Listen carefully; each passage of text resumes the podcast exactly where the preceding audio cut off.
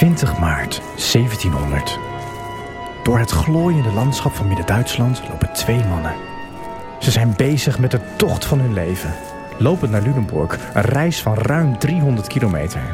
Met één doel, de muziek. Met name de jongste bezit verbluffend veel talent. Maar hij wil meer. Deze jongen wordt later de grootste componist aller tijden. Zijn naam?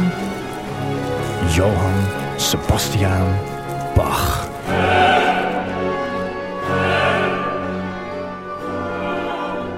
Maar gaan we nou weer een podcast over Bach maken? Ja, er is heel veel over hem gemaakt en gedaan. Maar er ontbreekt iets essentieels. Het menselijke verhaal. Bach voorbij de mythe. En daar gaan we in deze podcast wat aan doen. We gaan hem van zijn voetstuk halen, zodat we hem opnieuw op waarde kunnen schatten. En daarin ben jij onze gids. Ik ben Anthony Scheffer, muzikus, dirigent. Ik heb heel veel muziek van Bach uitgevoerd en ik ben daar nog lang niet op uitgekeken. En ik ben Allard Amelink en ik neem het allemaal op. Altijd weer die Bach is een podcast van EO en NPO Klassiek.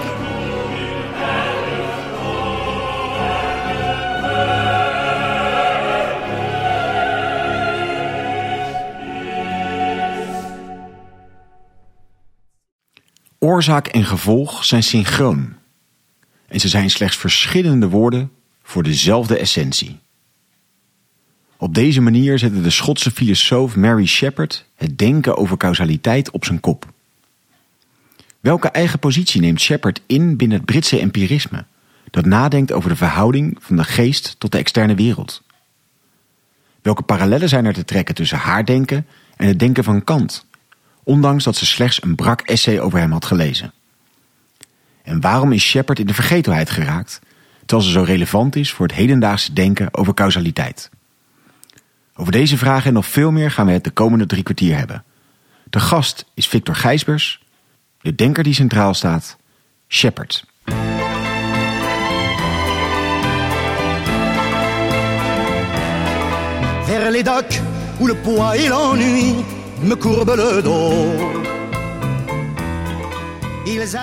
Dag, goed dat je weer luistert naar een nieuwe aflevering van de podcast Filosofie van het Santre Erasme, School voor Filosofie. Mijn naam is Albert Amelink en naast mij zit Judith Wijstra. Door de regen, maar inmiddels lekker droog aangekomen in eh, Utrecht. Ja, en we zijn te gast bij Victor Gijsbers. Hij studeerde natuurkunde en wijsbegeerte aan de Universiteit Utrecht. Hij promoveerde in 2011 cum laude op een proefschrift over verklaren in de wetenschap. En op dit moment is hij universitair docent filosofie aan de Universiteit Leiden, waar hij zich bezighoudt met onder meer het thema causaliteit. Begin 2022 verscheen zijn vertaling van Wittgensteins Tractatus, maar daar gaan we het niet over hebben, Victor. Nee, klopt. We gaan het hebben over Mary Shepard. Ja, een naam die je misschien niet direct wat zegt. Ze werd geboren in eh, 1777 als Mary Primrose in de buurt van Edinburgh, Schotland. Ze kwam uit een rijke aristocratische familie. Ze kreeg eh, onderwijs van een privédocent van wie ze naast Latijn en wiskunde ook filosofie kreeg. Ze begint dan met het schrijven van filosofische essays in reactie op onder andere denken van David Hume.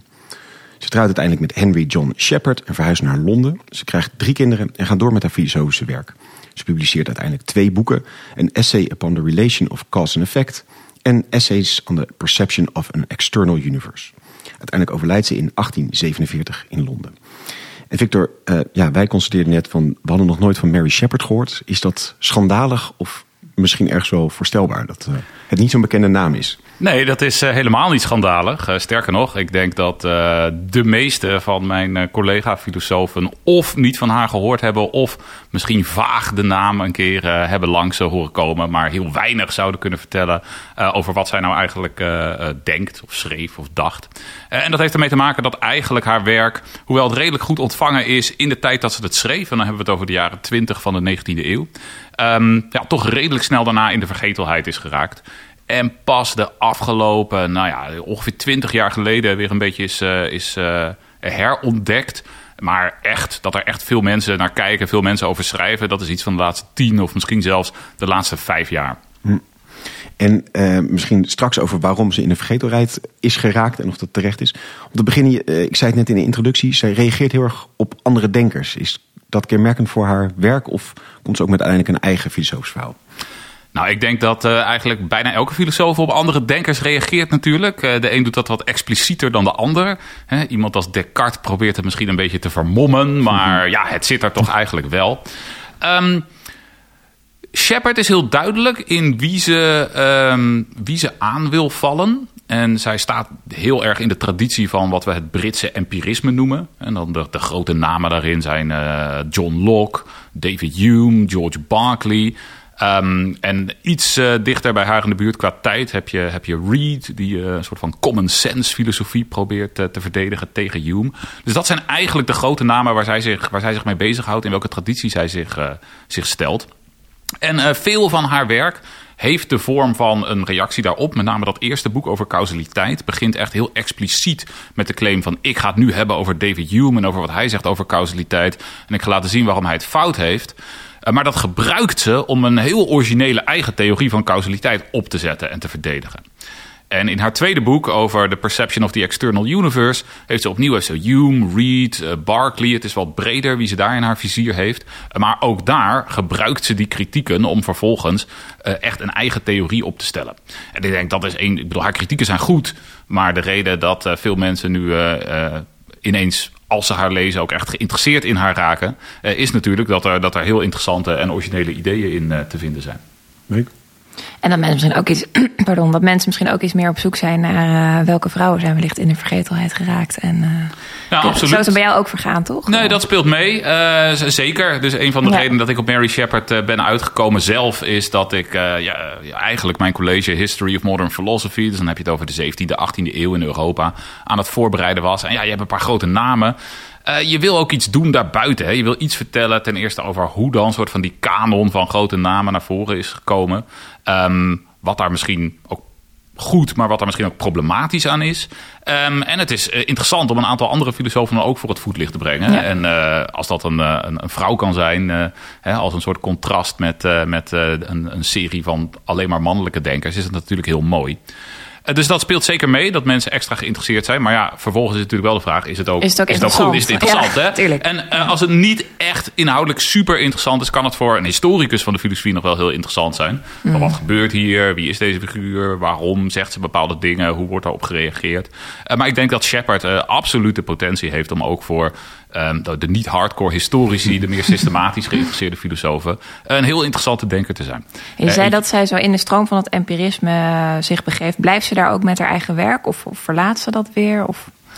Nou, ik denk dat je zou kunnen zeggen dat ze daar wel uh, in zekere zin in blijft. Ik, laat ik, daar, uh, ik ga dat een heel klein beetje, heel klein beetje subtieler maken. Um, als je dat empirisme van, uh, laten we zeggen, iemand als Locke. Hè, dus voor Locke is het idee van, nou, al onze kennis komt eigenlijk uit de zintuigen, maar meer dan dat, uh, al onze ideeën komen uit de zintuigen. Hè? Om, om, om wat dan ook, wat we ook beweren of claimen of denken te weten over de wereld. Als we dat willen begrijpen, moeten we dat terug zien te voeren tot de zintuigen. En wat je dan ziet in dat Britse empirisme is een, is een poging om, om uit te leggen uh, hoe dat werkt.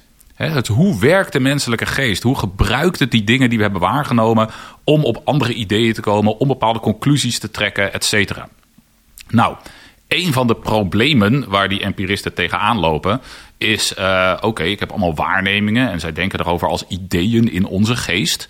Maar als dat ideeën in onze geest zijn en, en als ik me alleen maar bewust ben van ideeën in mijn geest, uh, ja, hoe zit het dan met die externe wereld? Hè? Die, die dingen die er zouden moeten zijn? Want daar ben ik me kennelijk niet van bewust, of in ieder geval niet direct van bewust. En je ziet in het empirisme een aantal, uh, ja, een aantal afslagen die je zou kunnen nemen, zo gezegd. He, dus één afslag die je kan nemen is, uh, nou ja, die externe wereld dan maar schrappen. Dat is in feite wat Berkeley doet. Berkeley staat bekend als een idealist. En zijn idealisme bestaat erin dat hij die ideeën in de geest in feite als de enige realiteit accepteert. Dus er zijn wel tafels, maar tafels zijn gewoon ideeën in onze geest. En misschien in de geest van God. Een andere afslag die je kan nemen, die we misschien meer met Hume zouden associëren, is, is een sceptische afslag. Dat je zegt van, nou ja, we weten niet of er dingen buiten de geest bestaan. Um, en Hume is daar uh, over dat uh, scepticisme is hij vrij positief eigenlijk. Dat vindt hij niet zo'n probleem. dat, dat, dat, dat is wel een, een, prettige levensbeschouwing eigenlijk, die ons in het dagelijks leven ook helemaal geen problemen geeft. Of, en dat is iets wat tegenwoordig ook wel met Hume wordt geassocieerd, je zou een meer soort van wetenschappelijk verhaal. Hè? Toch, toch proberen om te vertellen hoe, eh, hoe bepaalde processen in de, in de mechanische werkelijkheid of zo tot bepaalde ervaringen leiden. Ik denk dat Shepard, en eh, laten we daar later eh, vooral op terugkomen. Ik denk dat Shepard weer een andere afslag in dat empirisme ehm, vertegenwoordigt eigenlijk. En daar ook vrij uniek in is, of misschien wel helemaal uniek in is. En zij verdedigt iets dat. Ik wil, ze, ze zegt dat we kennis kunnen hebben over de externe wereld. Maar we kunnen alleen maar een heel specifiek soort kennis hebben over de, formele, eh, over de externe wereld. Iets wat ik eh, ehm, een soort formele kennis of zo zou willen noemen. We kunnen de, de structuur of de, of de vorm eh, in zekere zin van de externe wereld kennen. Maar we kunnen niet echt weten wat voor soort objecten erin zijn. En het is een hele, heeft een hele interessante parallel met, met Immanuel Kant. En heel veel van de dingen die zij zegt zijn dingen die op een net iets andere manier Kant ook gaat zeggen over wat wij kunnen weten van de, van de wereld. Eh, dus dat is denk ik een, eh, een leuk thema om straks eh, op terug te komen. Blijft zij binnen het empirisme? Nou ja, aan de ene kant dus wel. Ik bedoel, het zijn echte empiristen waar ze op reageren, reageert. En, en je zou haar filosofie echt een empirisme kunnen noemen. En ergens is dat misschien een beetje verwonderlijk, want we zijn in de 19e eeuw, begin 19e eeuw. Wacht, eh, iedereen is toch bezig met Kant of met, met Hegel of weet ik het wat. Dat is helemaal niet zo in, in Groot-Brittannië. Dat steekt dus- de plas niet over, zeg maar. Nee, nee, eigenlijk niet. Er is heel weinig. Kant wordt nauwelijks gelezen, is ook nog niet echt in het Engels vertaald. Ehm Shepard heeft één voetnoot over Kant ergens, waaruit blijkt dat ze alleen maar een soort eh, samenvattend artikeltje ergens heeft gezien, dat ook nog eens helemaal niet, eh, niet klopt, zeg maar. Ehm, dus in die zin, ja, zit ze echt binnen die traditie van het empirisme. Het is maar wel met zo. een bijzondere eigen positie eigenlijk. Ja, ze heeft een eigen positie en, eh, en, en dat is dan misschien de subtiliteit die ik nog wil toevoegen. eh, ze hamert echt op het belang van de reden. En dat is iets wat in ieder geval sommige empiristen, eh Hume is daar een heel duidelijk voorbeeld van, eh, maar Reed eigenlijk ook wel, eh, veel minder doen. En die proberen de reden echt een beetje, daar, daar gaat het eigenlijk niet om. En voor, voor Shepard is de reden, rationeel nadenken, echt een, een essentieel En het ingrediënt. gaat bij hen niet om de reden omdat die zintuigen leidend zijn. Of Ja, dus bij Hume eh, zijn het eh, de zintuigen. En eh, daarnaast bepaalde psychologische processen. Eh, Dus voor Hume is het zo dat eh, heel veel dingen waarvan wij denken dat we ze rationeel ergens op baseren. Zoals onze ideeën over oorzaak en gevolg. Of het bestaan van een wereld buiten ons of zo. Dat is eigenlijk alleen maar, dat zijn onze psychologische verwachtingen. Of eh, onze, onze habits is een, eh, is een favoriet woord van hem. En bij Barclay? Ehm, bij Barkley is er. Er is eigenlijk ook niet echt iets wat die. Nou, Barkley is eigenlijk vrij, eh, eh, vrij sceptisch over de mogelijkheid om, om verder te gaan. Dan, ehm, dan de ideeën die wij door de zintuigen krijgen. Van alle empiristen is Barkley degene die abstracte ideeën het meest sceptisch benadert. En eigenlijk zegt dat we, dat we überhaupt niet eens abstracte ideeën kunnen hebben. Ehm, dus ja, je ziet bij, eh, bij Shepard dat ze, dat ze inderdaad eh, rationeel nadenken en, en het belang van bepaalde rationele argumenten heel erg naar voren schuift. Inderdaad tegen Hume, eh, ook tegen iemand als Reed. Voor Reed is het zo dat wij, hè, die, wil, die wil het scepticisme van Hume verslaan. En dat doet hij eigenlijk door te zeggen dat wij gewoon, weet je, zelf allerlei ingebakken oordelen hebben. Waarvan we ons helemaal niet hoeven af te vragen of ze wel kloppen. Maar die dus ook niet echt rationeel gefundeerd zijn. Of zo. Ja, en zij zit daar dus echt de reden tegenover. Ja. En je zegt net, eh, ik weet niet of dat een logische ingang in haar denken is, maar van dat, dat zij eigenlijk die eigen positie kiest door te zeggen van ja, alle, er is alleen een soort specifiek soort kennis wel mogelijk. Eh, Is het nuttig om daar op dieper in te gaan? Of zou je zeggen, laten we ergens anders even starten? Nou, eh, het is, ik wil daar misschien liever eindigen en liever starten op de manier waarop zij het zelf ook doet. Dus ze heeft, schrijft twee Graag. boeken. Het eerste boek gaat over causaliteit. Het tweede boek gaat, zou je kunnen zeggen, over de externe wereld. Maar gaat vrij, vrij breed wat dat betreft. Ik denk dat het handig is om misschien te beginnen met, met haar ideeën over causaliteit. Omdat die ook essentieel zijn in het begrijpen van wat vervolgens haar eigen metafysische positie eh, en haar ideeën over kennis eh, zullen blijken te zijn. Graag. Hoe denkt ze over causaliteit? Nou, laat ik beginnen. eh, zoals zij trouwens zelf ook doet. Het eerste hoofdstuk van haar boek over causaliteit bestaat letterlijk vrijwel alleen maar uit citaten uit Hume. Dat zegt ze ook van. Ik ga nu even een hoofdstuk vullen met citaten uit Hume. Zodat jullie zien dat hij dit allemaal echt heeft gezegd. Ehm, dus Hume staat bekend als iemand die eigenlijk heel sceptisch is over causaliteit. En vanuit een empiristisch standpunt is dat ook wel goed te begrijpen. Dus wat Hume, als hij over causaliteit gaat nadenken, wat hij ziet, is dat wanneer we het over oorzaak en gevolg hebben, dan hebben we het over een relatie die iets over, over noodzakelijkheid of zo zegt. Als ik zeg dat het ene de oorzaak is van het andere. Dus als ik zeg dat bijvoorbeeld het feit dat ik in mijn handen klapte. de oorzaak is van het feit dat jullie vervolgens een klap hoorden. En dan zeg ik ja. Gegeven dat ik in mijn handen klapte, moest het wel zo zijn dat jullie daarna iets hoorden. Ik leg echt een connectie tussen oorzaak en gevolg, waarbij de een ervoor zorgt dat het noodzakelijk maakt dat het andere gebeurt. Nou, Hume als goede empirist zegt al onze ideeën moeten uit de zintuigen komen. En hij zegt vervolgens, nou als we kijken naar, naar wat er nou gebeurt in de werkelijkheid, dan ik zie eerst iemand zijn handen tegen elkaar aanslaan en ik hoor vervolgens een klap. Oké, maar wat ik niet heb gezien is dat het een noodzakelijk was door het ander of zo. En hij vraagt zich dan af, ja, en hoe zou je dat kunnen zien? Hoe zou noodzakelijkheid eruit zien in de ervaring? En zijn conclusie is natuurlijk, nou, noodzakelijkheid zou er helemaal niet uitzien in de ervaring. Ik bedoel, dit is iets wat we helemaal niet, helemaal niet kunnen waarnemen. En dus is het misschien een idee dat helemaal geen inhoud heeft. We hebben allemaal wel gesproken de hele tijd over oorzaak en gevolg, et cetera. Maar op het eerste gezicht lijkt het helemaal geen inhoud te hebben. Het enige wat we waarnemen in de wereld zijn allerlei dingen die na elkaar gebeuren. En misschien zien we patronen, namelijk dat het een gebeurt na het andere. En dat het altijd gebeurt, het een na het andere. En misschien wekt dat uiteindelijk, als we het heel vaak gezien hebben, een bepaalde verwachting bij ons. als dan ik iemand zijn handen tegen elkaar aan zie klappen, dan verwacht ik om ook iets te horen. Nou ja, dat geeft me dan misschien een soort idee van oorzaak en gevolg. Maar dat is heel iets anders dan wat we als filosofen altijd dachten. Er zijn geen noodzakelijke relaties in de werkelijkheid, zegt Hume. Uh, of in ieder geval, dat is een manier om Hume te begrijpen. En het is zeker de manier waarop Shepard Hume begrijpt. Er zijn geen noodzakelijke relaties in de werkelijkheid. Hoogstens zijn er bepaalde psychologische verwachtingen die wij hebben. En die zijn gebaseerd niet op redelijkheid, hè, niet op de reden, maar puur op onze psychologische verwachtingspatronen. Uh, hij gaat heel verder in. Hij zegt: weet je, alles kan op alles volgen. Uh, het zou net zo goed kunnen dat als ik in mijn handen klap, dat er daarna, weet ik het wat, drie duiven uitkomen of zo. Uh, of dat de wereld vergaat of iets in die richting. Er is, dat verwachten we natuurlijk niet, maar er is geen enkel redelijk argument tegen in te brengen. En dit, uh, we zien hier dat, dat Hume's ideeën over oorzaak en gevolg. Zijn andere heel beroemde idee is, uh, is scepticisme over inductie. Over het kunnen voorspellen van wat er gaat gebeuren. Nou ja, we zien hoe die twee ja. heel nauw met elkaar samenhangen. Uh, dus dat is een beetje de achtergrond waartegen, waartegen Shepard haar eigen theorie van causaliteit gaat opstellen. En je zei net een beetje van, uh, Shepard zet die citaten neer van ja, hij vindt dit echt. Was dat nodig om dat even zo te expliciteren? Of was dat meer een beetje hoe jij het nu net bracht? Of pro probeert ze ook een beetje zo de absurditeit al door de citaten neer te zetten of zoiets?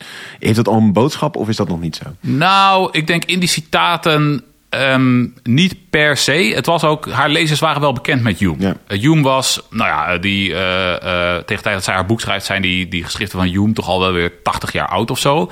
Maar relatief recent in Schotland en misschien in mindere mate ook in Engeland.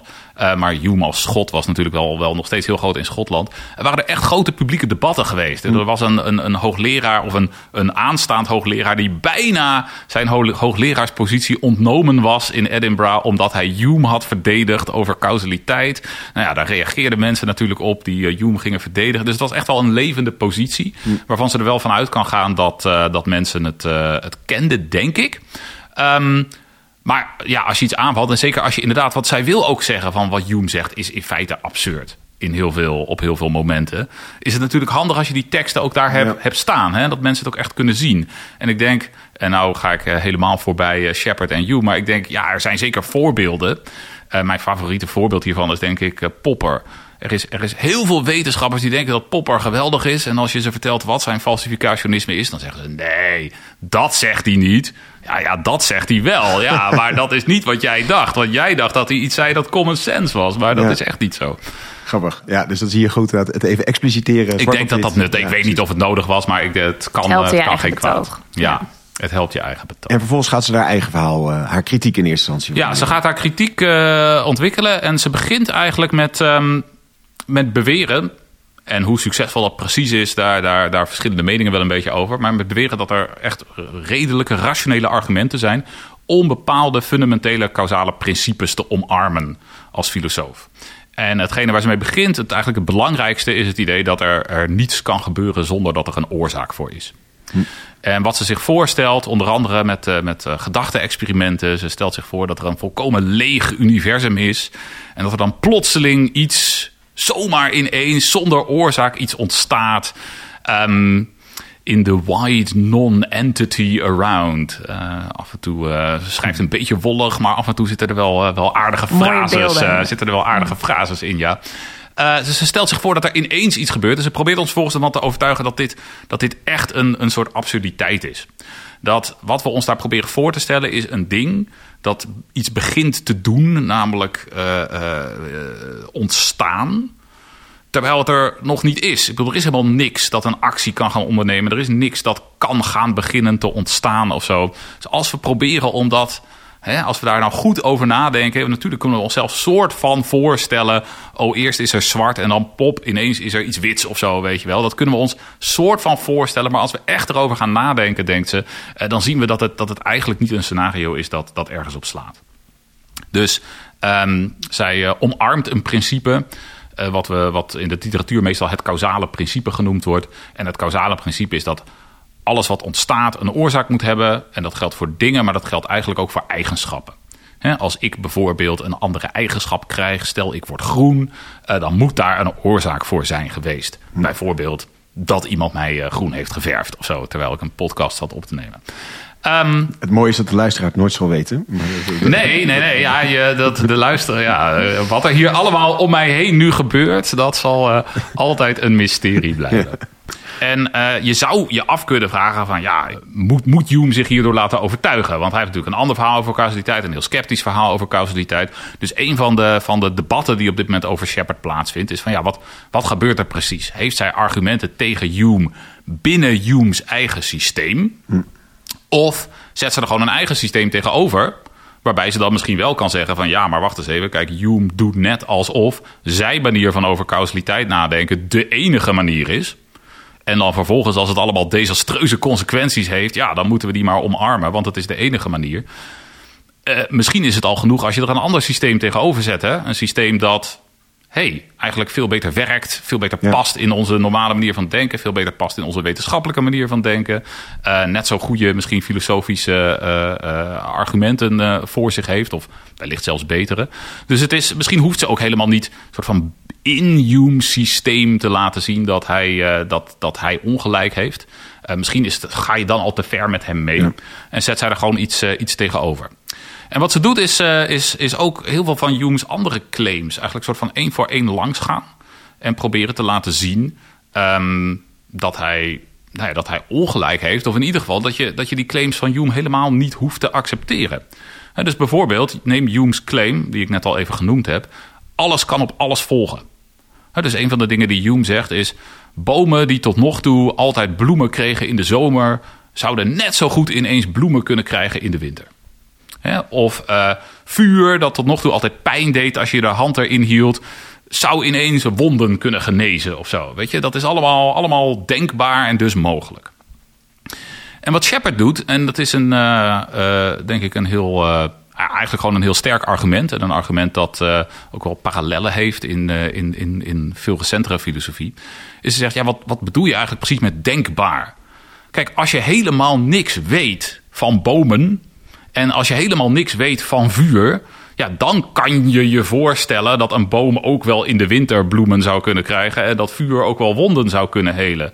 Maar als je wel iets weet van wat een boom is of wat vuur is, als je weet wat de, de, de eigenschappen zijn van bomen en vuur, hoe het werkt, dan kan je het eigenlijk helemaal niet meer voorstellen. Als je weet dat vuur iets is dat potentie, het vermogen, de capaciteit heeft om dingen te verbranden, et cetera. Dat dat is wat vuur is.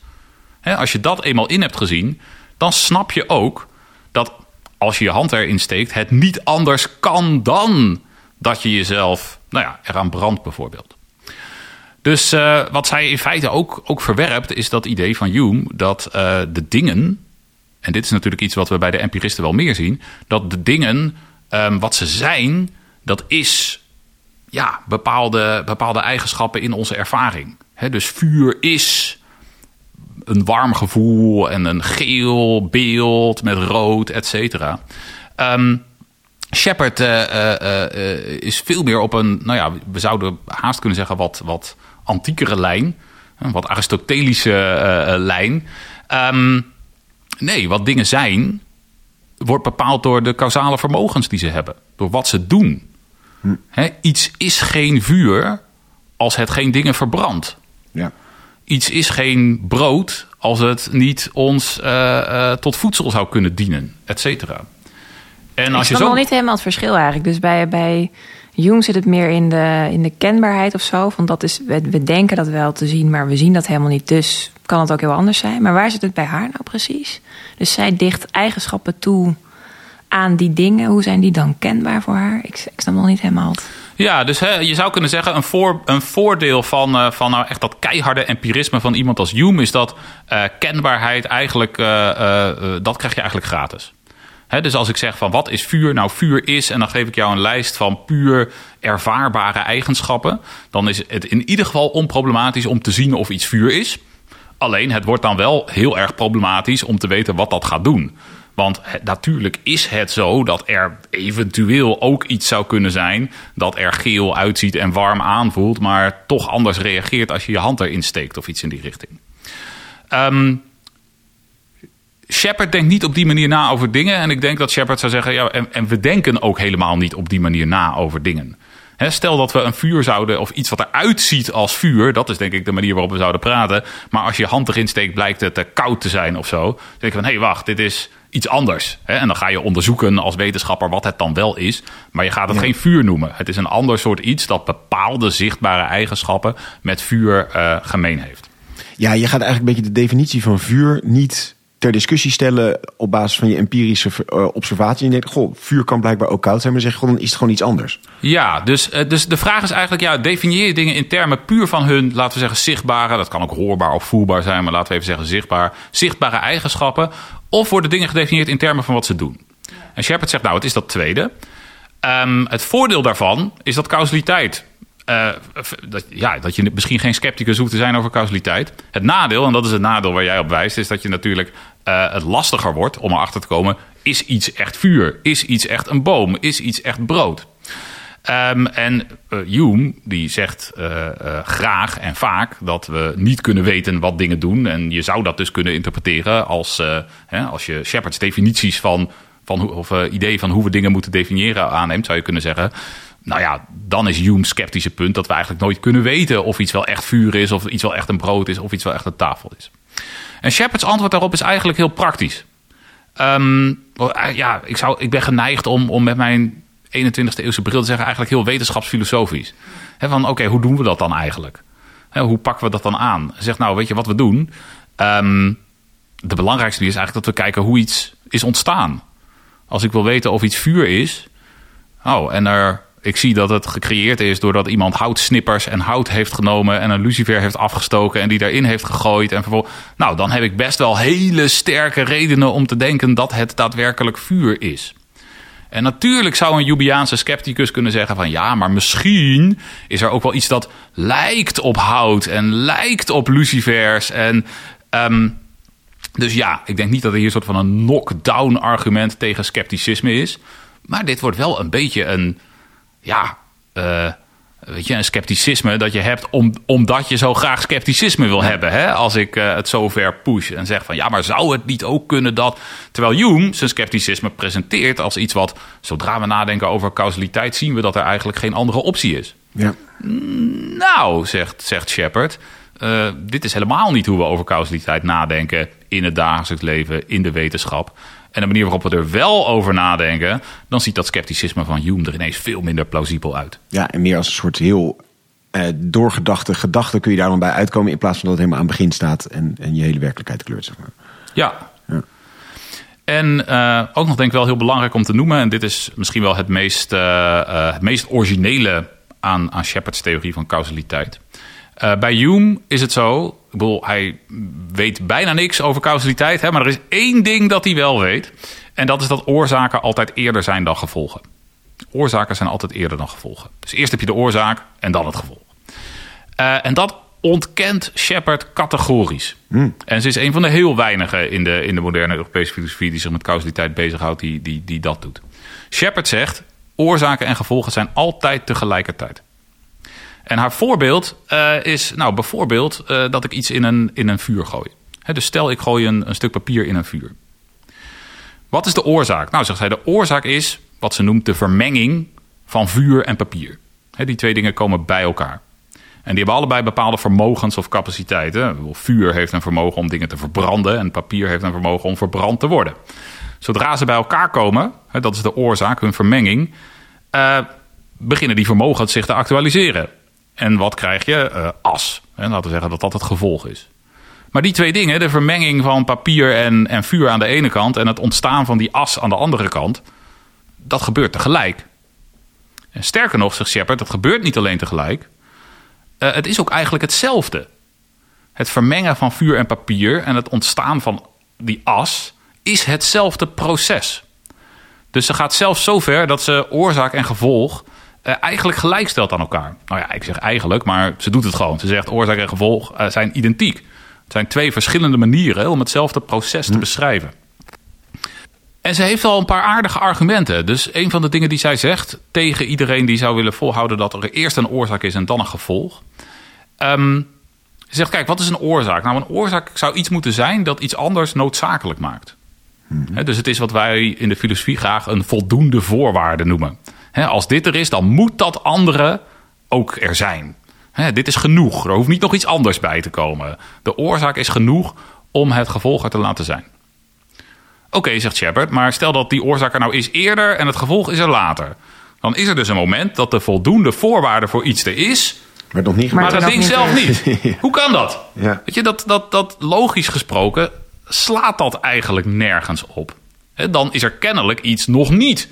Dat er ook moet zijn om het gevolg er, er te laten ontstaan. En wat je nog niet in beeld hebt. En dat ja, is dan wellicht, gek. ja, precies. Ja. De druppel jij... die de emmer doet overlopen, zeg maar, dat is, er moet dan het moment dat de emmer, de emmer vol genoeg is, maar de emmer nog niet overloopt. Zo'n soort zoektocht zou je dan hebben naar dat moment. Ja, er, er, is, ja, er is eigenlijk ja, of het is niet een voldoende voorwaarde. Of het is niet een voldoende voorwaarde. Of nou ja, dus een, een optie die je zou kunnen proberen is dat je zegt... nou ja, misschien is, is tijd nog een extra ingrediënt... maar daar moet Shepard niet zoveel van hebben. En dat, dat, dat snap ik ook wel. Ik bedoel, wat is tijd dan? Ik bedoel, wat doet die... Wat, wat, ja, hè, is dat nog een extra ingrediënt met extra capaciteit? Het extra, ja, dat is, dat is een beetje, een beetje lastig. Um, en dus komt zij met dat idee van... nou, oorzaken en gevolgen zijn, zijn processen... die gewoon tegelijk plaatsvinden... en eigenlijk zelfs identiek met elkaar zijn. Um, en dat is, dat is echt wel een heel originele theorie. Die, uh, er zijn nu op dit moment een paar filosofen die zoiets proberen. Um, maar het, het is een, vrij unieke positie in, uh, in het denken over uh, oorzaak en gevolg. En een positie waarvan ik denk van nou, het is interessant om om te kijken in hoeverre je dat kan laten werken. Dus dat maakt het voor jou, want jij doet nu ook veel onderzoek naar causaliteit, toch? Dat maakt ja, het, dus dit, is voor jou ook wel interessant. Het is voor, mij, uh, het is voor mij interessant. Het is een positie waarvan ik echt denk dat die, ja. dat die nu, op dit moment, in ons nadenken over causaliteit, een, ja. een interessante filosofische optie is. Is dat ook omdat jij een beetje natuurkunde achtergrond hebt, of niet zozeer? Staat dat daar, is het echt filosofisch interessant? Nee, dit is echt filosofisch interessant, denk ik. Ja, ja. Um, ik denk dat natuurkundigen zich uh, uiteindelijk over wat wij als filosofen en als de filosofische vragen zien, maar heel zelden uh, druk maken. en andersom. Is dit haar rondom, een verhaal rondom causaliteit of bouwt het nog verder uit? Nou ja, ik denk dit zijn wel de belangrijkste dingen, maar we kunnen wel. Um, we gaan er zo op terugkomen. Als we het meer over, uh, over Shepard's metafysica gaan hebben met elkaar, dan zullen we zien dat haar verhaal over causaliteit een hele belangrijke rol speelt daarin. Top. Externe wereld dan, want dat zei het grote andere thema bij de empiristen. Hoe verhoud je je tot die externe wereld? Ja, absoluut. Dus misschien is het aardig om even ook te vertellen wat. Uh, nou ja, ik, ik, heb het al een klein beetje uh, gesuggereerd, denk ik. Maar hoe, hoe daar in die traditie over na wordt gedacht. Dus dat probleem van de externe wereld, ja, historisch gesproken eigenlijk heel interessant, is dat het voor het eerst, voor het eerst naar voren komt bij Descartes. En ik denk daar, daar, daar kunnen we ons niet genoeg over verbazen dat uh, je uh, 2000 jaar filosofie hebt, waaronder allerlei denkers die zichzelf sceptici noemen. Uh, en dat het probleem van de externe wereld pas naar voren komt aan het begin van de 17e eeuw bij Descartes. Ik bedoel, waarom? Hoe, hoe kan dat? Nou, dat heeft heel veel te maken met een bepaald idee over hoe de geest werkt en hoe de geest zich verhoudt tot de wereld, dat bij Descartes een hoofdrol gaat spelen. En wat in die hele filosofie van de 17e, 18e eeuw, maar ook nog bij iemand als Shepard, ehm, cruciaal is. Dus daar moeten we beginnen, ook als we haar epistemologie of haar metafysica willen, willen begrijpen. En dat is het idee bij Descartes dat waar ik mij van bewust ben, dat zijn ideeën in mijn geest. Dus het is niet zo als ik iets, als ik een, een zintuigelijke ervaring heb, dat ik een, een tafel zie, zou je kunnen zeggen. Eh, in ieder geval niet, niet op de manier waarop we misschien in eerste instantie daarover nadachten. Op de manier- Shepard zal zeggen, de manier waarop de vulgar daarover nadenken.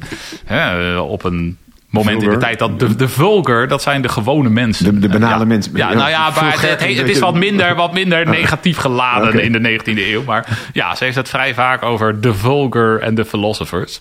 Ehm, ze, ze schrijft, zeker, ze schrijft zeker wel als een aristocraat. Ja, ja, ja. Nee, ze schrijft een absoluut wel als een aristocraat. Ehm, maar goed, de vulgar, eh, die denken dat ik een tafel zie. En Descartes weet beter. Descartes weet dat ik mij bewust ben van een idee in mijn geest. En dat er dus een filosofische vraag is over hoe dat idee in mijn geest zich verhoudt tot een externe wereld. Eh, oh jee, en misschien verhoudt het zich wel helemaal niet tot een externe wereld. Hè? En dan heb je het probleem van de externe wereld. En Descartes zelf lost dat eh, eh, nou ja, op of niet op. Maar hij denkt dat hij het oplost door met een, eh, een god op de proppen te komen... die goed is en ervoor zorgt dat hij zo geschapen wordt... dat hij heus wel een ongeveer correct idee over de wereld heeft, et cetera. Eh, een oplossing die niet heel veel fans vindt in de, in de eeuwen daarna. Oké, dus wat moet je daarmee met dat, met dat idee van die externe wereld? Nou, bij Berkeley, hè, een, een, een radicale oplossing is om die externe wereld gewoon te schrappen. Om gewoon te zeggen, nou, waar ik me van bewust ben, dat zijn de ideeën van mijn geest, in mijn geest. En dat zijn de dingen, punt. Dus ik ben me bewust van de tafel, ja, absoluut. Van echte tafel, ja, echte tafel. Want een tafel is een idee, of het is een bepaald patroon van ideeën, misschien eh, is dat beter om te zeggen. En natuurlijk leidt dat tot allerlei problemen. Hè. En een van de problemen is dat, goh, stel dat niemand aan deze tafel denkt en hem ziet, bestaat die dan? Nou, niet helemaal duidelijk misschien wat Barkley daarover zegt. Eh, Je zou kunnen denken dat hij zegt, nee, dan bestaat hij gewoon niet. Of je zou kunnen denken, eh, dat suggereert hij ook op sommige punten, dat hij zegt van, nou ja, gelukkig is er iemand die altijd aan die tafel denkt en dat is God. Hè? Dus dan, dan, dan bestaan de dingen in ieder geval nog als de ideeën in de geest van God. Ehm, maar goed, hij, voor hem is de, is de externe wereld helemaal, eh, of ja, de externe wereld, als dat een, een soort materiële van de geest onafhankelijke wereld zou moeten zijn, is die er gewoon niet, die bestaat niet. Nou, er zijn niet heel veel mensen die eh, met, eh, met Berkeley mee willen gaan. Dus de meeste empiristen proberen toch, eh, nou de meeste filosofen in deze traditie, maar ook de meeste empiristen dus, proberen toch op de een of andere manier die externe wereld weer terug te krijgen. Hume is denk ik nog het meest oké met het gewoon omarmen van scepticisme. En dan zegt hij bij, ja, weet je, scepticisme is eigenlijk wel relaxed. Dat is niet zijn woord, maar het komt er wel een beetje op neer. Eh, weet je, dan, ja, als je dingen niet, niet kan weten, nou, dan, dan weet je dat. En vervolgens heb je er toch geen last van, want zodra je je studeerkamer verlaat, zal je je toch gedragen alsof de dingen er wel gewoon echt zijn en zo. Mooi. Dat is een hele pragmatische oplossing. Ja, het is een hele pragmatische oplossing. Maar goed, eh, alsnog, de meeste, de meeste eh, eh, mensen, ook in de empiristische traditie na Hume, die willen toch wel graag die externe wereld. En bijvoorbeeld iemand als Reed, die zegt gewoon van, nou ja, wij hebben een, een, een interne neiging om aan te nemen dat er een externe wereld is. Ja, die moeten we gewoon volgen. eh, eh, een soort van klaar. Er valt meer over te zeggen, maar eh, dat is, dat is hoe, ook wel hoe Shepard hem, hem, hem begrijpt in ieder geval. En dat, dat, dat vindt ze helemaal niks. Dat is, dat is, ja, wat is dat nou voor argument? Dat is geen argument.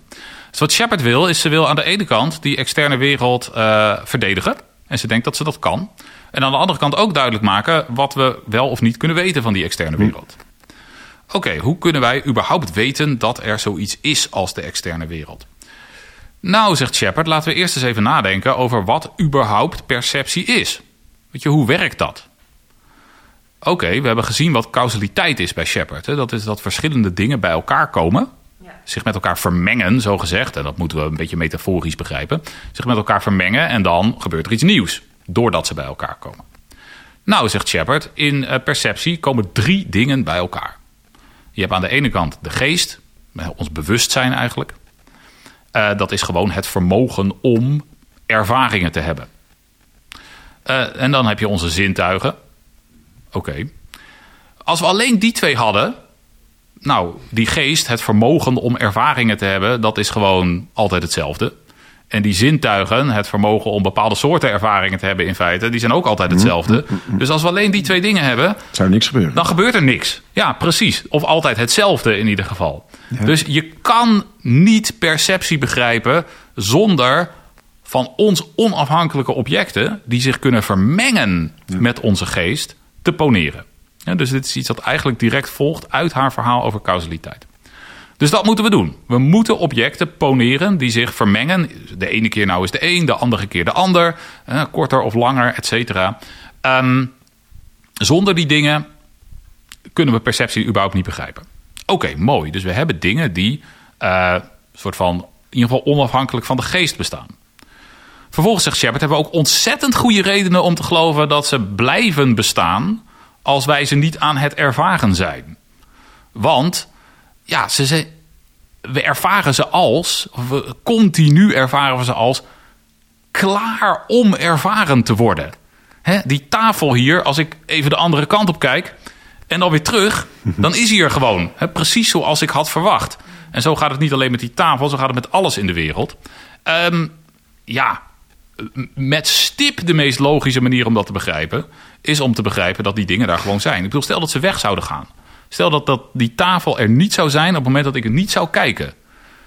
Waarom? Wat voor verklaring zou er kunnen zijn? Wat voor oorzaak zou er kunnen zijn voor het feit dat als ik terugkijk, ik weer diezelfde ervaring heb? Weet je, daar, daar is geen verhaal te vertellen. Dus zodra we over de causaliteit van de situatie na gaan denken, zien we dat die objecten moeten bestaan. En moeten blijven bestaan, ook als wij ze niet aan het ervaren zijn. En sterker nog, zal Shepard zeggen, wat we ook zien, is dat die objecten causale relaties met elkaar hebben als wij niet aan het kijken zijn. Als ik niet aan het kijken ben naar het vuur en het houtblok, maar wegloop en een uur later terugkom, dan zijn ze veranderd. En dan is het houtblok kleiner geworden en het vuur misschien ook. En nou ja, dat, zo gaat het natuurlijk continu in de wereld. Dus zodra je gaat nadenken over hoe perceptie werkt en wat we dan eigenlijk zien en wat voor causale relaties we nodig hebben om te verklaren wat er gebeurt, zie je dat we een externe wereld moeten poneren met objecten die onafhankelijk van de geest bestaan, blijven bestaan als we niet naar ze kijken en onderlinge causale relaties hebben. Oké, top. Hebben we eigenlijk nog niks gezegd over wat we kunnen weten over die externe wereld. Hè? Of over hoe die externe wereld is of iets in die richting. Maar we hebben wel gezien dat die er moet zijn. Dat is al een, eh, een stap voorwaarts. Maar Shepard wil ook iets vertellen over wat we nou eigenlijk kunnen weten over, over die externe wereld. En sommige filosofen, die ze, en- en Reed is daar eh, opnieuw een voorbeeld van, die eh, suggereren dat de externe wereld toch wel redelijk is zoals wij hem zien. En dat is ook inderdaad best wel common sense natuurlijk. Het is redelijk common sense om te denken dat als ik een groene appel zie, dat die inderdaad echt rond en groen, et cetera is. Maar er is een hele sterke tendens in, eh, in die empiristische traditie. En trouwens niet alleen in de empiristische traditie, want Descartes heeft dit eh, ook al een beetje. Maar de, de beroemde terminologie komt van Locke. Eh, om te denken dat nee, nee, sommige dingen, sommige eigenschappen die wij zien zijn echt. En sommige eigenschappen die we zien, die zijn niet echt in de externe wereld. En Locke eh, noemt dat het verschil tussen primaire eigenschappen en secundaire eigenschappen. En bijvoorbeeld van iets als kleur, zegt Locke, kijk, kleur dat heeft gewoon te maken met ons gezichtsvermogen. Dat wij op een bepaalde manier de dingen waarnemen, namelijk gekleurd, komt omdat wij gezichtsvermogen hebben. En dat die appel groen is, ja, dat is wel zo. Maar groen is niks anders dan een bepaalde manier om ons gezichtsvermogen te beïnvloeden. Hè, en als er geen mensen waren met ons gezichtsvermogen, dan zou het ook geen zin hebben om over kleuren te spreken. Dus dat is iets wat we eigenlijk meer een relatie tussen het ding en ons is. En we eigenlijk niet echt aan het ding zelf kunnen toeschrijven. Oké, maar zegt Locke, er zijn ook een aantal eigenschappen die we wel echt aan de dingen kunnen toeschrijven. Want sorry, kleur is dan een secundaire Ja, eigenschap. dat is een ja, secundaire eigenschap. Ehm, en die is gebaseerd op de primaire eigenschappen. Dus wat zijn de primaire eigenschappen? Nou, zegt Locke, wat de dingen wel hebben, is ze zijn uitgebreid in de ruimte. Een appel heeft een bepaalde grootte, een bepaalde vorm, een bepaalde snelheid. Eh, hij is ondoordringbaar, je kan er niet zomaar doorheen. Eh, dat zijn de primaire eigenschappen. Dus dat komt heel, heel, heel dicht in de buurt. Bijna identiek met wat Descartes zegt over materie. Dat materie alleen maar een soort van uitgebreide dingen zijn met een bepaalde vorm en snelheid en et cetera. Dat zijn de primaire eigenschappen volgens Locke. En uh, natuurlijk kan je aan Locke vragen, hoe weet je dat dan? He, hoe weet jij dat groen een secundaire eigenschap is en, en rond of drie meter groot een primaire eigenschap? En Locke heeft daar wel een verhaal over. En wat Locke zegt is, hij zegt nou, die primaire eigenschappen... Kijk, secundaire eigenschappen hebben te maken met hoe een bepaalde zintuig van ons werkt. Primaire eigenschappen daarentegen um, kunnen we met meer dan één zintuig waarnemen. Hm. En eigenlijk nou ja, van de zintuigen die we hebben, zijn er dan toch vooral, denk ik, twee relevant voor dit verhaal. Namelijk uh, gezichtsvermogen en tastzin. want van die appel kan je niet alleen zien dat hij rond is, maar je kan het ook voelen door hem vast te pakken. En je kan niet alleen zien dat hij snel beweegt, maar je zou het ook kunnen voelen door je hand ervoor uh, voor te houden waar hij dan tegenaan knalt, et cetera. Nou, zegt Locke, als iets door twee verschillende zintuigen wordt waargenomen, dan moet het wel echt iets zijn van het object zelf. Dus dit zijn de primaire, uh, de primaire eigenschappen die echt bij de, bij de objecten zelf horen. Locke wordt daar keihard op aangevallen door Barclay. Okay. Dus Barclay zegt, uh, ja, dit is, dit is totale onzin, dit onderscheid tussen primaire en secundaire eigenschappen. Um, het is natuurlijk ook niet zo'n heel sterk argument. Dat als iets door twee zintuigen wordt waargenomen, dat het dan dus een eigenschap van het object zelf moet zijn. Ja, waarom niet een eigenschap van die twee zintuigen of zo, weet je wel. Uh, en, en een van de dingen die Barclay ons vertelt, is die zegt van nou, laten we gewoon eens een gedachte-experiment doen. Stel je eens een ding voor, laten we zeggen een, een witte bol. Oké, ik stel me een witte bol voor. Top. Nou, oké, maar volgens Locke stel ik me nu niet de werkelijkheid voor. Het witte moet ik wegdenken. Oké, dus stel je nu eens een bol voor die geen kleur heeft. Oké, zegt Barkley. Nou, ik kan het niet. Ik weet niet hoe het met jou zit, maar ik stel me nu helemaal niks voor. Al mijn bollen hebben altijd een kleur, zeg maar. Ja, dus ja, want als, anders stel ik me eigenlijk... Ja, hij zegt extensie zonder kleur. Ja, wat, wat is dat voor iets, hè? Uh, of extensie zonder dat, dat gevoel van, van tast. Hè? Als je iets vastpakt of zo. Dus die second, je, als je de secundaire eigenschappen weghaalt, zegt Barkley, dan hou je eigenlijk geen ervaring over. Hm. En als je geen ervaring overhoudt, ik bedoel, Barkley volgt hierin die, die, die traditionele positie van de empiristen. Dat, weet je, een idee heeft alleen betekenis als het, als het gekoppeld is aan onze waarnemingen. Ja, dan hou ik dus niks over. Ik bedoel, het, het, het, het slaat nergens op. Er is geen, het heeft geen inhoud om te denken in termen van alleen de primaire eigenschappen. Dus voor Barkley zijn primaire en secundaire eigenschappen staan die op één, uh, op één voet. En um, sterker nog, wat Barkley daarover zegt, hij zegt: kijk, het hele idee dat iets in de werkelijkheid dezelfde eigenschappen zouden kunnen hebben als, als mijn idee van dat ding in de werkelijkheid. Weet je, die materie die er zou moeten zijn en die ideeën in mijn geest, dat zijn zulke totaal verschillende objecten hoe zouden die überhaupt dezelfde eigenschappen kunnen hebben? Hm. Weet je, als mijn ideeën gekleurd kunnen zijn, groen kunnen zijn bijvoorbeeld. Nou, een idee is zoiets anders dan een ding, een materieel ding. Hoe zou een materieel ding diezelfde eigenschap groen kunnen hebben? Weet je, dat is toch een beetje als denken dat het getal 17 ook groen zou kunnen zijn of zo. Weet je, het is zoiets anders. Nou ja, en zegt dat, waarom zou dat niet ook gelden voor iets als extensie? voor vierkant zijn of zo. Ik heb vierkante ideeën. Hè? In mijn geest kan ik me een vierkant voorstellen. Dat is dan een vierkant idee, zou je kunnen zeggen. Het is absurd om te denken dat vierkantheid dan ook zou kunnen toekomen aan een totaal ander soort object. Van een totaal andere categorie.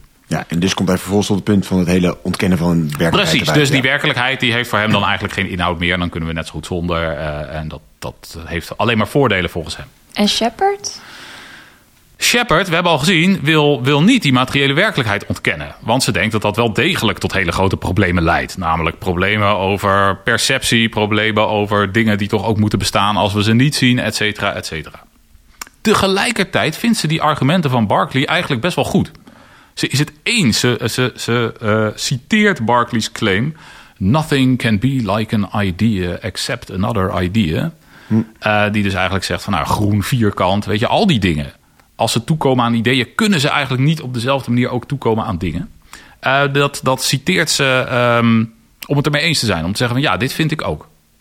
Dus voor haar is het net zoals voor Barkley, is het echt onbespreekbaar zou je kunnen zeggen. In ieder geval onzinnig om te denken dat die objecten in de externe werkelijkheid groen zouden kunnen zijn. Maar ook om te denken dat ze vierkant zouden kunnen zijn. Of een snelheid van 2 vierkant, 2 meter per seconde kunnen hebben of iets in die richting. Oké, maar wat hou je dan over? En Barkley zegt niks. Maar Shepard zegt niet niks.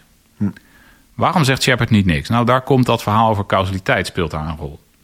Dus hier is een van de dingen die, eh, nou, wat we hebben gezien. Ik heb het het causale principe genoemd.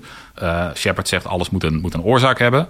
En dus een van de dingen wat we daaruit kunnen weten is dat uh, als ik iets, iets waarneem, dat er dus iets is dat dat veroorzaakt. Dus die externe objecten die moeten bestaan. Oké, maar dat is wel heel minimaal. Hè? Als het enige wat ik weet van de externe objecten is dat ze bestaan. Maar gelukkig heeft Shepard nog een ander uh, kausaal principe, die ik nog niet heb genoemd, maar dat ga ik dan nu doen. Uh, die wordt in de literatuur meestal, uh, in de Engelstalige literatuur, de causal likeness principle genoemd. Dat is het principe van um, causale gelijkenis of zo. En wat Shepard daar zegt is, kijk, dezelfde oorzaak moet altijd hetzelfde gevolg hebben. Dus als ik twee keer dus precies dezelfde oorzaak heb, heb, precies dezelfde vermenging van objecten, dan moet er ook hetzelfde uit volgen. En dat betekent automatisch ook, omgekeerd, dat twee verschillende gevolgen dus ook verschillende oorzaken moeten hebben.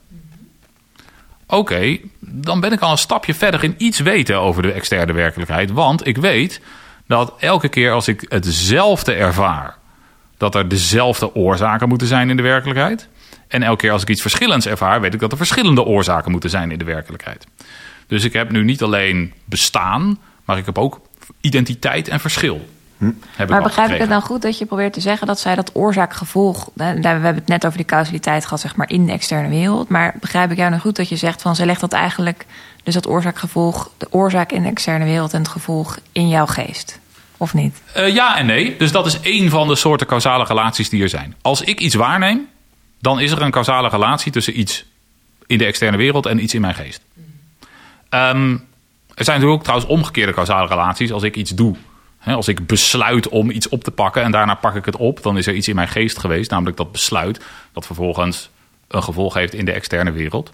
Uh, en er zijn causale relaties tussen dingen in de externe wereld ja. zelf. He, dus ik heb hier een boek liggen, dat valt niet naar beneden. Waarom niet? Omdat het ja, uh, op een tafel ligt. Dus die tafel en dat boek hebben nu een causale relatie met elkaar. Uh, dus er zijn heel veel verschillende soorten causale relaties. En die gaan dus ook inderdaad tussen lichaam en geest. Um, misschien wel aardig om, om, en dan kom ik zo direct terug op het hoofdverhaal, maar misschien wel aardig om op te merken dat uh, Shepard's verhaal over causaliteit het onmogelijk maakt om een lichaam-geest probleem te hebben. Want wat was geest? Geest is de mogelijkheid om ervaringen te hebben. Wanneer heb je die ervaringen? Nou, als er die vermenging van geest en lichaam plaats. Dat, dat is het verhaal. Dus het hele idee van, oh, je hebt twee totaal verschillende substanties en hoe kunnen die ooit interactie met elkaar hebben? Nee, ik bedoel, geest is iets wat alleen maar zijn ding kan doen als het zich aan het mengen is met de materiële wereld. Dus het is, het is een, een filosofie waarop dat hele probleem dat bij Descartes ontstaat van, oh jee, hoe kunnen lichaam en geest ook maar iets met elkaar te maken hebben, waarbij die vraag helemaal niet, niet eens opkomt. Dus dat is wel, wel aardig. Dus oké, daar is ook niet heel veel mee gedaan nog. Maar ik denk Shepard, causaliteit en het lichaam-geestprobleem is ook wel een interessant thema. Oké, maar ik was aan het vertellen wat we volgens Shepard over de, over de externe wereld Ja, we weten dat het bestaat en dat het identiteit en verschil is. Ja, identiteit en verschil. En vervolgens voegt ze nog iets toe. Um, waar ze niet heel duidelijk een argument voor geeft, maar wat wel nou ja, ergens plausibel is en, en, en ja, heel veel toevoegt, zou je kunnen zeggen. En dat is een soort principe van proportionaliteit. Wat bedoel ik daarmee? Nou, laat ik een voorbeeld geven. Um, kijk, zegt Shepard, we, we, weten bijvoorbeeld zoiets als, als grootte, extensie, hè, hoe groot iets is in de ruimte. Nou, dat is, dat is een idee in onze geest, een eigenschap in onze geest. En we weten niet wat voor eigenschap in de externe wereld daarmee correspondeert. We weten niet wat voor eigenschap daar de oorzaak van is. Maar hier is iets wat we wel weten. Stel je hebt een mug en een olifant de olifant die heeft er meer van dan de mug. Hm. Want als die olifant op ons inwerkt, dan hebben wij een veel sterker idee van grootte. En als die mug op ons inwerkt, hebben we een veel zwakker idee van grootte. Dus wat in de externe wereld ook de eigenschap mag zijn, die bij ons het idee van grootte veroorzaakt, we weten dat een olifant er meer van heeft dan een mug. Ja. En dit geldt voor alle eigenschappen. dus we kunnen, alle eigenschappen kunnen we over proporties nadenken. Het ene heeft meer en het andere heeft er minder. En dat betekent dat eigenlijk een soort ja, formele of, of wiskundige beschrijving van de werkelijkheid mogelijk wordt. Waarbij je zegt, nou ja, geen idee wat temperatuur is in de werkelijkheid. Of geen idee wat snelheid is in de werkelijkheid, et cetera. Maar ik weet wel dat deze twee keer zoveel heeft als die. En je kan er dus misschien zelfs wetmatigheden over opschrijven. Je kan causale relaties in de werkelijkheid op die manier gaan beschrijven. Ehm, en dit is een term die, voor zover ik weet, niet eh, bestaat in de literatuur. Maar ik vind het aardig om Shepard eh, een formeel realist te noemen. En dus ze is een realist in de zin dat ze echt een externe wereld poneert die onafhankelijk is van ons. Maar het enige wat we daarvan kunnen weten is in zekere zin de vorm. Niet de inhoud, niet wat die dingen nou echt zijn, wat die eigenschappen nou echt zijn, Nee. maar hun formele relaties. Dingen als bestaan, grootte, kwantiteit, eh, intensiteit, kwantiteit en kwaliteit. Ehm, komt ze hier toch passant toch een beetje bij die lok primair secundair uit? Of is dat eh, toch echt een heel andere? Want daar gaat het ook over die grootte, over die vorm. Ja, maar je zou dit, ook in die relatieve maar je zou dit dus net zo goed over geel kunnen vertellen. Ja, één is iets geler dan het andere. Ja, dat is, Ja. daar kan je precies hetzelfde over vertellen. Dus Ja. je kan net zo goed, natuurlijk, op, op zo'n formele of wiskundige manier Ja. aan de gang met kleuren. Ja. En dat doen wetenschappers ook als ze het hebben over kleuren. Dus dat maakt helemaal niks uit. Nee, oh ja, precies. Dus er is in die zin geen onderscheid in die dingen. Nee. Het is alleen de mate van reëel spreken over de externe werkelijkheid. Dat niet, maar je kunt wel inderdaad de, de gradaties in je hoofd Ja, meten. Ja. ja. dus, er zijn, dus we, we kunnen spreken over de externe werkelijkheid, maar dan hebben- spreken we altijd op een soort formele manier. Over verhoudingen, eh, over causale relaties. Nou ja, dus ik, ik ga nu eh, dit eh, heel suggestief samenvatten. Suggestief omdat ik dan een mooi bruggetje kan slaan. Dus wat je zou kunnen zeggen is, wat bestaat er voor Shepard? Nou, je hebt, eh, je hebt echt, eh, echt eh, kwantiteit, hè, dingen als grootte, dingen die je bij elkaar op kan tellen. Je hebt dingen als intensiteit, meer en minder geel bijvoorbeeld. Of meer en minder warm. Eh, je hebt causa- causale relaties, dat kunnen we weten over de externe werkelijkheid. Eh, en, en we hebben bestaan. En, en, en, en nou, door causale relaties ook dingen als noodzakelijkheid en mogelijkheid. Ehm, waarom is dat suggestief? Omdat zoals ik het nu heb opgenoemd, en zij doet het niet zelf in deze volgorde, maar zoals ik het nu heb opgenoemd, zijn dat precies de vier soorten categorieën van Kant. Kijk, Dit zijn precies de, de, de, nou ja, precies, maar weet je, precies genoeg.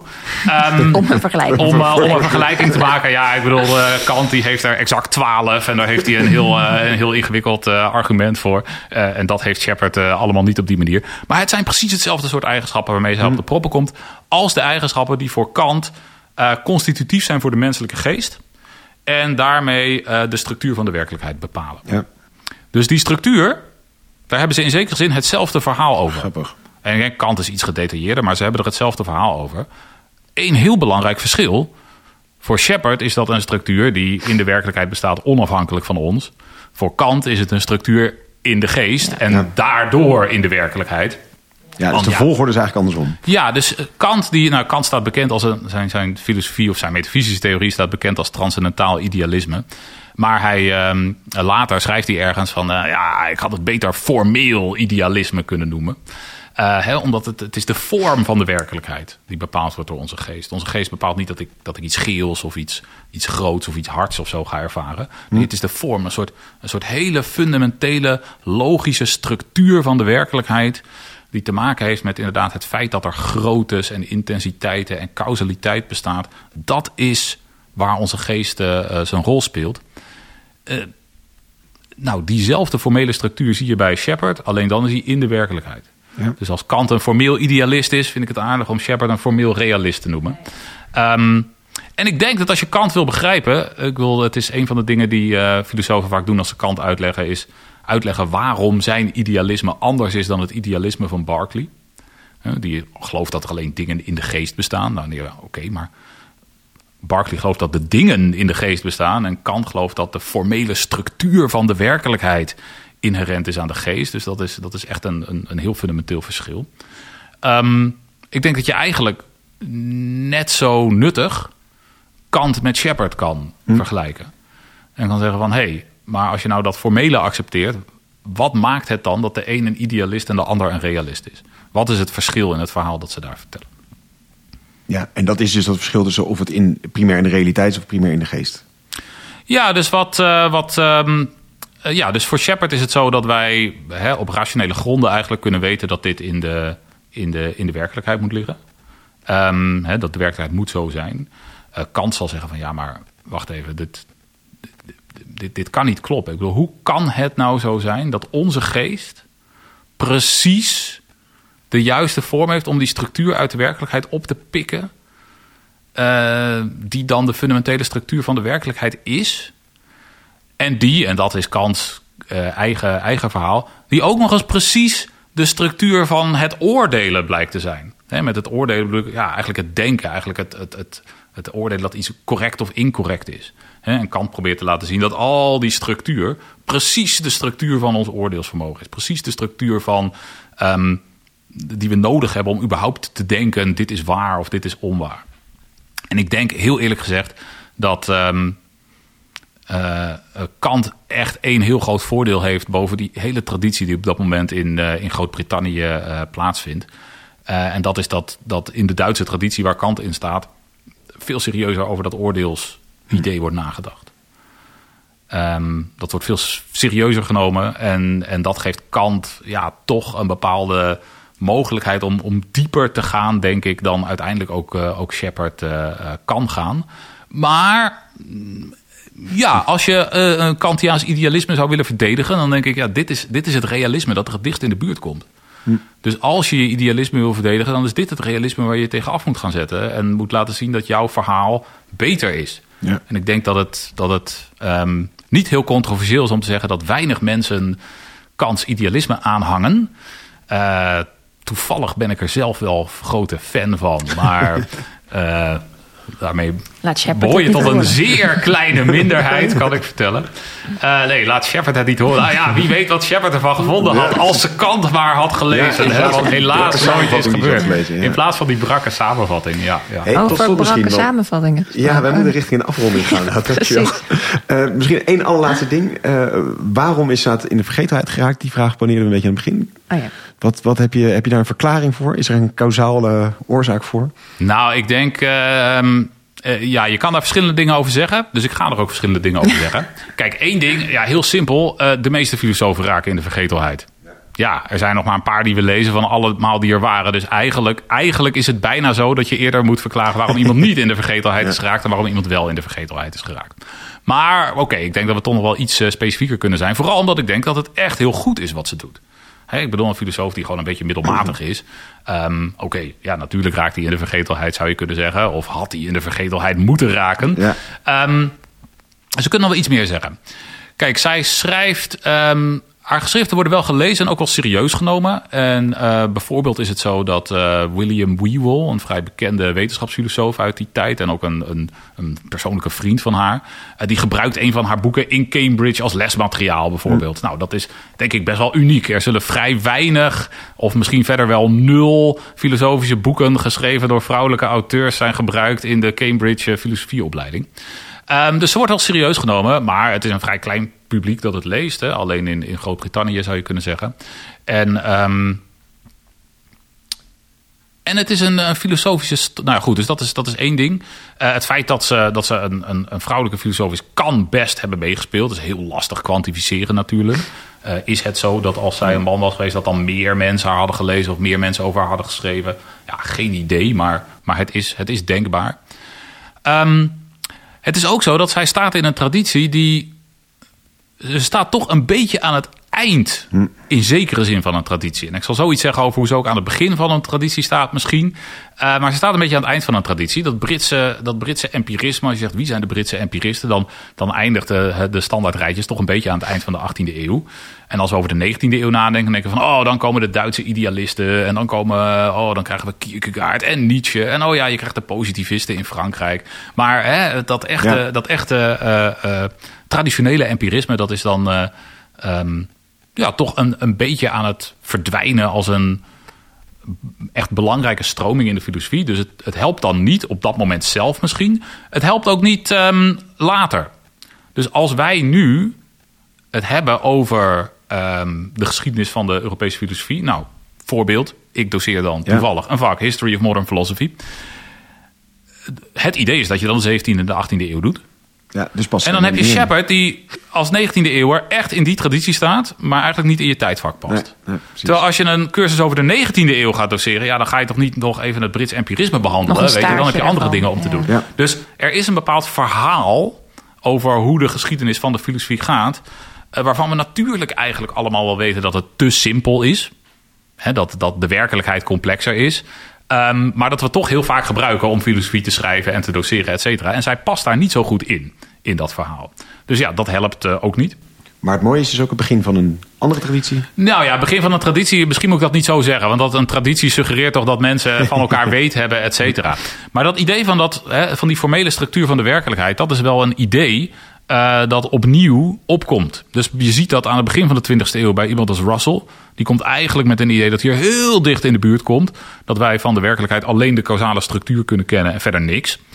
Um, en in de, aan het eind van de 20e eeuw, en, en, en, nu is dat nog steeds uh, een, uh, een belangrijk idee, krijg je iets wat uh, in de wetenschapsfilosofie, iets wat structuurrealisme genoemd wordt. En dus mensen die zijn daar een beetje bezorgd over, over wetenschappelijke theorieën. Um, zijn die nou echt waar? In hoeverre zijn ze waar? Ik bedoel, weten we nou wel zeker dat er, dat er quarks bestaan en dat wat we daarover zeggen, dat dat echt zo is, et cetera. Je ziet natuurlijk allerlei veranderingen in wetenschappelijke theorieën. Uh, dus wat de structuurrealisten doen, is die zeggen: Nou, weet je, het enige deel van wetenschappelijke theorieën dat je, dat je echt moet omarmen, dat je echt serieus moet nemen qua waarheid, uh, is de wiskundige structuur. Hm. He, en wat er dan verder precies verteld wordt over welke eigenschappen de dingen hebben en zo, dat, dat kunnen we achterwege laten. Maar die wiskundige structuur, dat is wat we weten over de werkelijkheid. Nou, dat, dat komt best wel dicht. Ja, ik bedoel, Shepard uh, is niet uh, bezig met kwantummechanica en heeft heel andere argumenten en zo. Maar dat komt toch best wel dicht in de buurt van, uh, van dit soort ideeën. Dus in die zin denk ik, ja, er is. Die ideeën, uh, afgezien van hun, hun inherente interessantheid. en hun nut in pogingen om een soort van ja. fundamentele metafysische vragen te doordenken en te beantwoorden. hebben, je ziet ze opnieuw terugkomen in de metafysica, in de wetenschapsfilosofie. En uh, ja, ik bedoel, uh, hoewel Shepard niet echt een causale oorzaak is van het feit dat Russell of, uh, of een moderne structuurrealist daarbij komt, verdient ze misschien toch wel enige credit voor ja, toch misschien de eerste zijn die um, met zo'n formele, formele visie op de externe wereld op de proppen komt. Dankjewel, Victor. Een uh, fantastisch verhaal volgens mij over. Nou, het is een ten onrechte vergeten denker. Wat misschien logisch in de maalstroom van uh, de filosofie is. Maar volgens mij hebben we ieder geval nu recht gedaan door een, een uitgebreid verhaal over te vertellen. Dus dankjewel daarvoor. Graag gedaan. Uh, Mary Shepard inderdaad. Een onbekende naam zoals we het zeiden inderdaad. Eigenlijk een beetje sinds ja, ongeveer twintig jaar geleden een beetje herontdekt. En misschien de laatste vijf jaar dat er echt goed onderzoek naar haar wordt gedaan. Zij reageert heel erg op de Britse empiristen. Locke, Hume, Berkeley, Reed... Um, ze reageert erop, maar gebruikt die ook allemaal eigenlijk als ja, aanleiding om een eigen punt te maken, een eigen verhaal te vertellen. En uh, we hebben daar in deze podcast ook veel over dat Britse empirisme gehad. Um, en ja, dat gaat eigenlijk vertrekt bij Locke, die zegt van ja, kennis. Uh, alles heeft te maken met zintuigen. Uh, kennis van de zaken, maar ook ideeën hebben allemaal komen tot ons via de zintuigen. Alleen dat roept vragen op van ja, hoe werkt dat nou? Hoe werkt dan de geest? En uh, een van de problemen die je daar krijgt is net hoe uh, verhouden we ons dan tot de externe werkelijkheid? Nou, dat is een van die vragen waar Shepard mee aan de slag gaat. En um, het interessante is dat eigenlijk ten opzichte van Berkeley, Hume, um, andere uh, empiristen, zij echt een eigen afslag neemt. Um, om dat hele verhaal, wat ze, hoe ze dat opbouwt, begint eigenlijk bij haar bij het causaliteit als belangrijk thema. Um, ze begint haar boek met causa, van over causaliteit met allerlei citaten van Hume. Hume is heel sceptisch over causaliteit. Die zegt, ja, causaliteit kun je niet zien. We kunnen niet uh, weten dat iets na het noodzakelijk leidt. Het een leidt tot het ander. We zeggen als het noodzakelijk is dat het zo moest zijn. Maar je ziet die causaliteit helemaal niet. Je ziet die noodzakelijkheid niet. Kortom, causaliteit is een idee zonder inhoud. We zien patronen, we kunnen verwachtingen ontwikkelen, maar we kunnen geen noodzakelijke relaties aanwijzen. Kortom, niet redelijk kunnen we causaliteit bepalen, het is een soort psychologisch gegeven. Shepard heeft daar kritiek op. Die zegt, nou ja, er zijn wel rationele argumenten om tot causale principes te komen. En ze zegt, er is eigenlijk niets zonder oorzaak. Denk je eens een werkelijkheid in waar eerst niets is en vervolgens een eerste iets er is. Dat is een heel bizarre gedachte. Um, kortom, er is wel zoiets als een kausaal principe ten opzichte van alle dingen zoals ze ontstaan zijn, maar ook bijvoorbeeld ten aanzien van eigenschappen. Uh, denk aan dat iets groen is. Dat moet toch een dan, uh, als er plotseling zoiets gebeurt, moet daar een externe realiteit, een externe oorzaak voor zijn. Heeft ze dan argumenten binnen het systeem van Hume door zo'n verlegd, of heeft ze vooral een eigen logisch tegensysteem? Het lijkt iets misschien meer het tweede te zijn. Maar ze gaat in ieder geval uh, meerdere claims van Hume langs. En Hume zegt bijvoorbeeld, ja, Um, alles kan op alles volgen. Hè? Je kunt je hand in een vuur steken. De ene keer kun je je hand verbranden. En de andere keer kan het juist je wonden genezen. En hij zegt, ja, dat is allemaal denkbaar.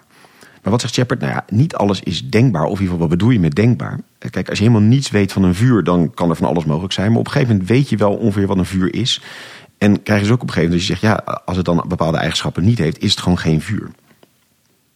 En Shepard komt dan eigenlijk met een, een eigen duiding daarvan. Die zegt, nou ja, dingen zijn niet zozeer door onze ervaring de dingen die, zoals we ze zien, maar zijn dat door de causale vermogens die ze hebben. Een vuur is een vuur omdat het kan branden. Dus wat ze doen bepaalt eigenlijk wat ze zijn. En uh, die werking kun je niet altijd zien, maar uh, ja, we kunnen dus dan toch wel weten dat iets is, uh, door namelijk te kijken naar hoe iets ontstaan is. Neem bijvoorbeeld vuur en as. Je weet hoe as ontstaan is en zo weet je dat het daarvoor vuur was. Hume zegt, een van de weinige dingen die hij wel zeker weet... is dat oorzaken eerder zijn dan gevolgen. Shepard komt met een radicaal tegenpunt. Die zegt, nee, oorzaak en gevolg zijn tegelijkertijd. Neem papier wat je in een vuur gooit. Eigenlijk zie je daar dus dat er twee vermogens zich met elkaar vermengen. Het vuur om te branden, het papier om verbrand te raken... en uiteindelijk wordt dat tot as. Het is eigenlijk een tegelijkertijd actualisering van de vermogens. En zegt, ja, kijk, een oorzaak is eigenlijk het moment... dat er dan voldoende noodzakelijkheid is om het andere te realiseren... Het kan toch niet zo zijn dat er dus eerst een oorzaak is, dat alle voorwaarden om iets te realiseren er zijn, maar dat het niet gebeurt. Kortom, oorzaak en gevolg moeten er tegelijkertijd zijn. En uiteindelijk komt het dan tot het punt, eigenlijk zijn oorzaak en gevolg hetzelfde. Een buitengewoon originele positie, maar zegt Victor ook eigenlijk een heel actuele positie, iets waar hij zich ook in zijn onderzoek verder op richt. Dan het hele verhaal van de externe wereld. Descartes begint daar natuurlijk mee. Eigenlijk uh, zegt Victor, bizar dat iemand dat pas uh, zo kort geleden voor de eerste keer bedenkt. Van bestaat die hele externe werkelijkheid niet uh, wel echt? Zit die niet eigenlijk alleen maar in mijn geest? Zegt Descartes, ik weet niet of er echt een tafel is. Net het idee van de tafel zit zich in mijn hoofd. En hoe verhoudt nou die externe wereld zich tot mijn interne wereld? Berkeley gaat daarin een hele radicale afslag nemen. Die zegt, er is gewoon helemaal geen externe werkelijkheid. Alles is geest. Hume die heeft ook een scepticisme, maar ja, is daar eigenlijk wat pragmatischer. En die zegt, joh, in het dagelijks leven hebben we er niet zo heel veel last van. Uh, omarm het in die zin gewoon en uh, ga ermee om. Uh, Reed zegt, nou, we hebben een interne neiging tot het accepteren van de externe werkelijkheid. laten we die lijn gewoon volgen. Nou, Shepard wil wel een externe werkelijkheid funderen, maar vindt eigenlijk die redenering van Reed een, een slechte lijn. En dus gaat ze proberen te verdedigen dat er een externe werkelijkheid is. En ze probeert neer te zetten wat we nou kunnen weten. En uh, allereerst gaat het over dat de externe realiteit bestaat onafhankelijk van onze geest. En um, daar komt ze met uh, een, een, duiding van wat perceptie is. En ze zegt uh, causaliteit in ons hoofd eigenlijk in zekere zin. Er is namelijk geest, bewustzijn, we kunnen dingen ervaren. Tweede zijn er zintuigen. Maar als die twee dingen als enige er zouden zijn, zou er niks gebeuren. Want dat is permanent, continu hetzelfde. Dus daar gebeurt niet iets. Iets nieuws gebeurt als er dus een externe werkelijkheid, een extern ding bij komt. Daardoor wordt het geheel in, in, in werking gezet en ontstaat er dus een kausaal iets. Kortom, omdat we dus dingen zien, verandering zien, moet er zoiets zijn als externe objecten. Zo komt ze dus rationeel tot een duiding van de externe wereld. Ten tweede zegt ze, die dingen blijven bestaan buiten ons om. Uh, ja, en daarin komt ze eigenlijk gewoon op het punt van ja, het is een veel logische redenering om te zeggen dat ze bestaan buiten onze perceptie om, dan te zeggen dat ze permanent weg zijn totdat we ze weer waarnemen. En uh, ten derde zegt ze, uh, ook buiten ons om zijn er causale verhoudingen. Als ik wegloop bij een vuur en dan kom ik even later terug, zien we dat er meer vuur naar as omgezet is. Kortom, dus ook zonder dat ik er naar kijk, gebeurt het. Vervolgens gaat ze de zoektocht aan wat kunnen we dan weten over die werkelijkheid. En daar vertelde Victor het verhaal over Locke. Die begon met primaire eigenschappen en secundaire eigenschappen. Secundaire zouden dan dingen zijn waar je met uh, ja, slechts één zintuig kennis van kan nemen. En primaire eigenschappen zijn eigenschappen waar je met meerdere zintuigen wat uh, kan inzetten. Berkeley vindt dat een onzinnige lijn. Die zegt, ja, stel je dan eens een witte bol voor en denk dan nu is het witte weg. Kortom, dat kan niet. Ja, je, je kunt eigenlijk geen extensie zonder kleur denken. Er is een onoverbrugbare eh, kloof tussen de realiteit buiten ons en de ideeën in ons hoofd.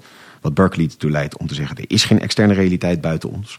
Shepard die snapt eigenlijk al die argumenten van Berkeley wel, maar wil toch die externe wereld op een bepaalde manier uh, redden. Dus uh, wat zegt zij, wat kan je nou wel weten? Nou, ze weet dat alles een oorzaak heeft en dus bestaan ze.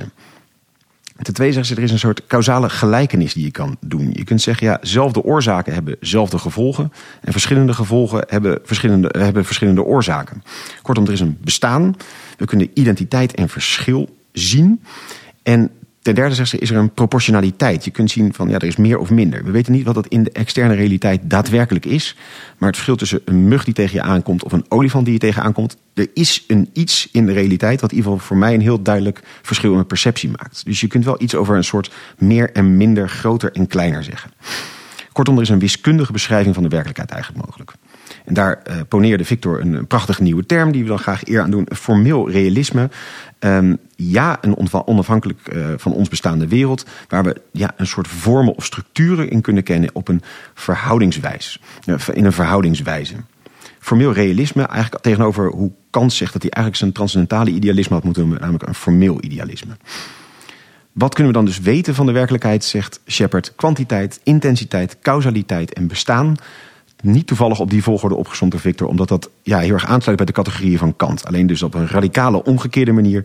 Namelijk niet dat die zich in onze geest bevinden, maar dat die zich dus in de werkelijkheid bevinden. Um, een heel interessant denken, waar Victor dus ook meerdere actualiteitshaakjes in ziet, om dat te zien dat het hedendaagse discussies of nieuwe perspectieven geeft. Toch is Shepard een vergeten denker. Uh, ja, wellicht iets te maken met het feit dat ze vrouw is. Realistische opmerking ook van Victor is... de meeste denkers zijn vergeten. Dus misschien moeten we eigenlijk meer bij de onthouden denkers... Uh, ons afvragen waarom ze onthouden hebben. Maar vooral ook een interessante vraag over hoe richten we onze kanon in... en het feit dat de Britse empiristen worden opgesloten... in de 17e en 18e eeuw... maakt dat zij als 19e eeuwse daar eigenlijk net een beetje buiten valt. Dus daarmee ja, is het jammer voor haar dat ze een beetje in die zin in de verkeerde tijd zat. Um, en ze is tegelijkertijd misschien ook wel een begin van een, ja, niet een traditie, omdat mensen niet direct uit haar putten. Maar zij zet lijnen neer die je terugziet bij Russell en bij het structuurrealisme in de hedendaagse wetenschapsfilosofie. Nou, hopelijk hebben we haar op deze manier eer kunnen aandoen in de kanon. En ook gelijk even het hele Britse empirisme meegepakt. Dankjewel Victor voor een, een zeer helder verhaal daarover. Graag gedaan. En dankjewel Judith ook. En natuurlijk jij heel hartelijk dank voor het luisteren. En deel deze aflevering vooral met wie dat uh, moet horen. En heel graag tot een volgende keer. Emmenez-moi au bout de la terre, emmenez-moi au pays des merveilles. Il me semble